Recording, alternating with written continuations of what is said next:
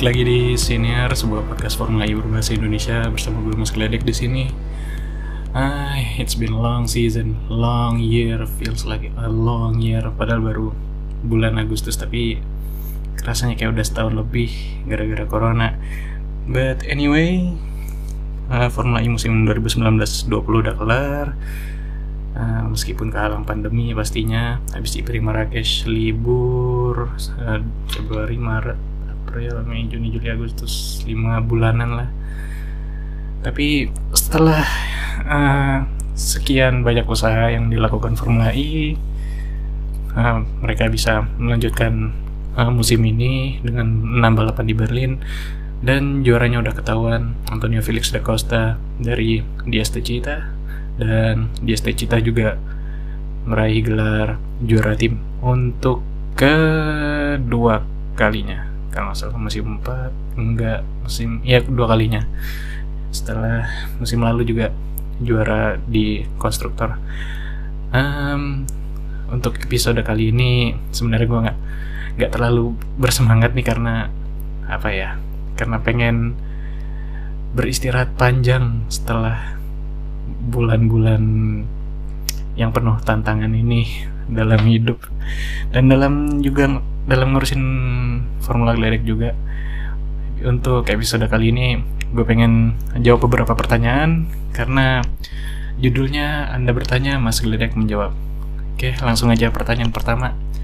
Dari Twitter at Amiruddin HDYT sejauh ini dia Cita selalu mendominasi di beberapa musim terakhir. Menurut Mimin, apa faktor penting yang menyebabkan mereka sedemikian GG di kualifikasi? Uh, kalau gue sendiri kurang setuju ya kalau DST, di, uh, DST Cita cukup bagus di kualifikasi karena di awal musim agak kesulitan, agak struggling karena dua pembalap mereka, uh, John Eric Verne dan Da Costa ada di kelompok awal yang keluar lebih awal di mana track belum terlalu bagus untuk mencetak lap time yang bagus Logikanya kalau keluar lebih belakangan, maka ada jaminan dapat hasil kualifikasi hasil kualifikasi yang bagus. Tapi nggak selalu kayak gitu kasusnya. Faktor skill pembalap dan mobil juga sangat menentukan. Ambil contoh di Marrakesh kemarin, Da Costa ada di kelompok pertama kualifikasi dan berhasil tembus Super Pole untuk enam besar. Padahal pembalap Super Pole yang lain itu biasanya kalau nggak dari kelompok 2 itu kelompok 3. Nah ini kaitannya kembali ke kembali lagi bisa ke mobil dan pembalap atau trek yang secara kebetulan bagus saat uh, Da Costa mencetak lap. Pertanyaan berikutnya dari Twitter lagi, Eka Tracker Trans, sirkuit yang menguji, menguji kehematan baterai di Formula E. Untuk musim ini yang menurut gue cukup menantang bagi uh, semua tim dan pembalap Formula E itu Santiago. Karena banyak trek lurus ditambah udara yang panas yang bisa bikin baterai boros. Uh, kelihatan banget dari dua IPRI Santiago terakhir. Banyak pembalap yang kesulitan dalam mengelola baterai mereka di akhir balapan dikarenakan suhu yang makin panas kemudian Berlin Temple of yang reverse itu lumayan boros karena itu trek yang terbilang baru gak banyak waktu untuk persiapan jadi ibaratnya belum tahu apa-apa mengenai karakteristik pemakaian baterainya yang pastinya beda dengan Temple of tradisional.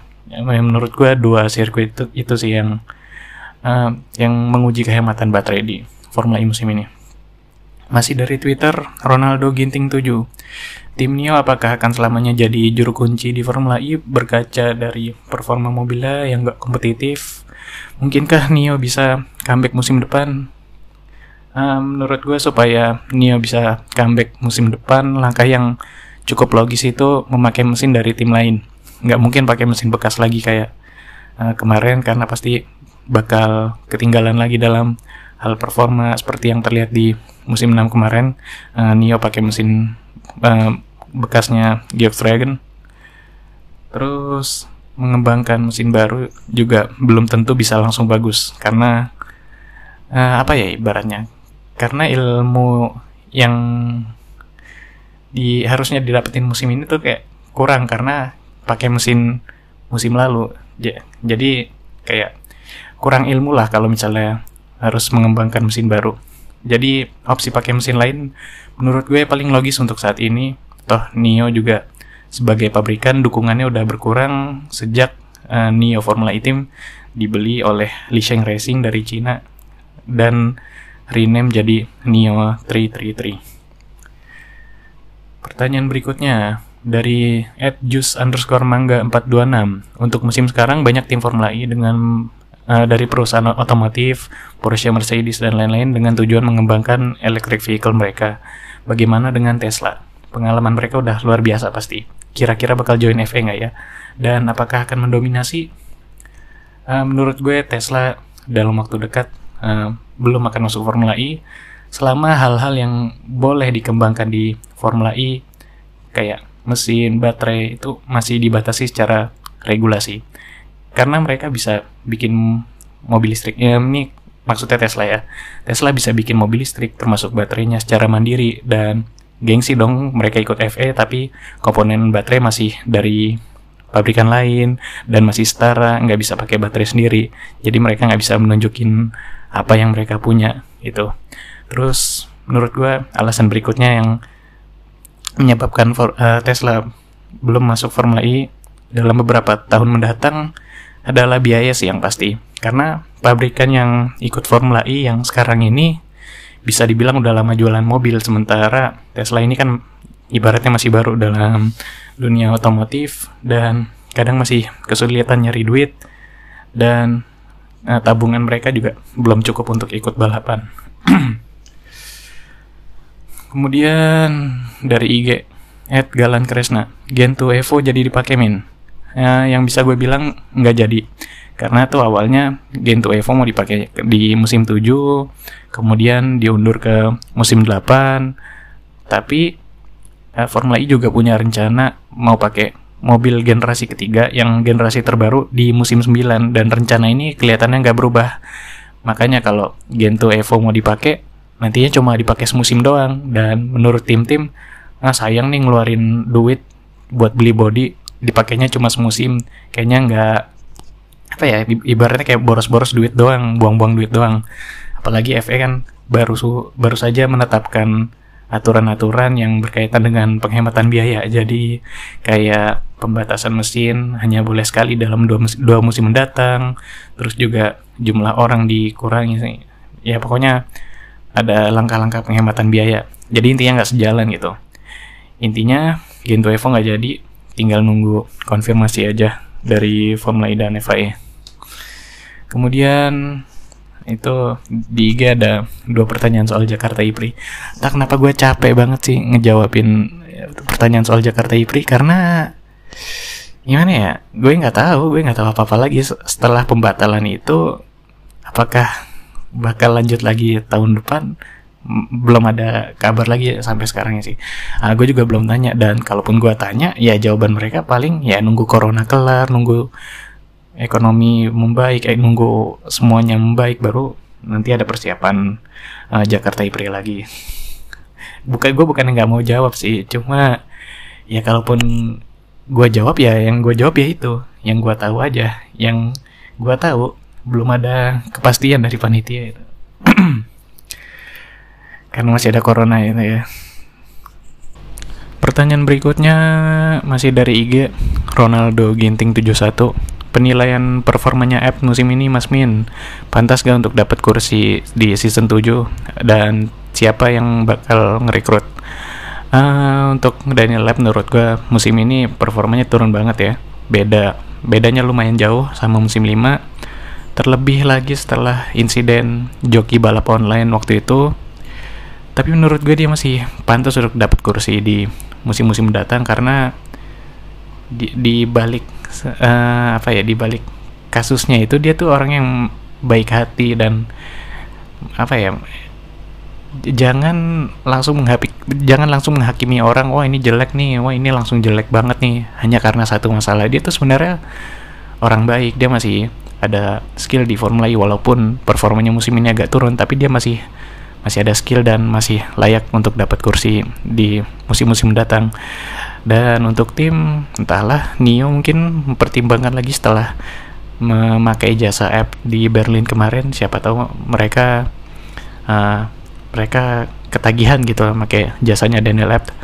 Atau mungkin Venturi yang masih ada kemungkinan masih ada satu kursi lagi hmm, pokoknya untuk Daniel Abt pilihannya masih banyak buat dia kemudian at Sifaul Aziz underscore SA selama Formula E musim ini siapa yang top dan siapa yang flop? Thank you Min Gladex kenapa harus pakai sih? Uh, yang top pastinya Da Costa. Selain itu Stoffel Van Dorn dan Rowland juga lumayan di atas ekspektasi gue musim ini. Uh, Rene Rast juga bagus karena dia bisa cepat beradaptasi walau udah lama nggak bawa mobil FE dan baru pertama kali bawa mobil Gen 2 jadi uh, Rast menurut gue cukup top lah karena cepat beradaptasi. Untuk yang flop yang pertama Sims uh, Alexander Sims menjanjikan di awal tapi anjlok di akhir. Kemudian D'Ambrosio yang menurun dibandingkan musim lalu Daniel Abt tadi juga udah gue bilang juga turun. Sama yang satu lagi Felipe Massa. Itu apa ya? Gue nggak mau nyebutin faktor U sih karena karena nggak terlalu relevan ya. Kayaknya kayaknya nggak terlalu relevan kalau bicara faktor U. Ya oke okay, Formula E emang persaingannya ketat tapi faktor U bukanlah apa ya penentu bagus jeleknya. Ya ada sih sedikit cuma Felipe Massa kan apa ya ibaratnya CV-nya bagus mantan pembalap Formula One gitu kan. Jadi aduh gimana ya gue menjelaskan Felipe Massa tuh gimana ya dia bukan faktor sih ya emang Formula E nya aja yang ketat musim ini gitu. Ya itu sih yang pertanyaan yang mau gue jawab kan lagi pula nggak semua pertanyaan gue jawab karena yang gue pilih yang bagus aja. Jadi ini podcast nggak lama-lama banget karena pertanyaan yang masuk juga dikit jadi terima kasih udah dengerin episode ini. Jangan lupa follow Formula Gledek di Facebook, Twitter, Instagram. Dukung kami di traktir.id trak trak t e r t salah. T r a k t e e r id garis miring formula gledek uh, dukung mulai dari ribu rupiah. Kalian udah bisa membantu kita untuk uh, membuat karya yang lebih bagus lagi dan udah sih itu aja sebenarnya. Sampai ketemu di episode berikutnya. Dan musim depan masih lama masih 2021 bye bye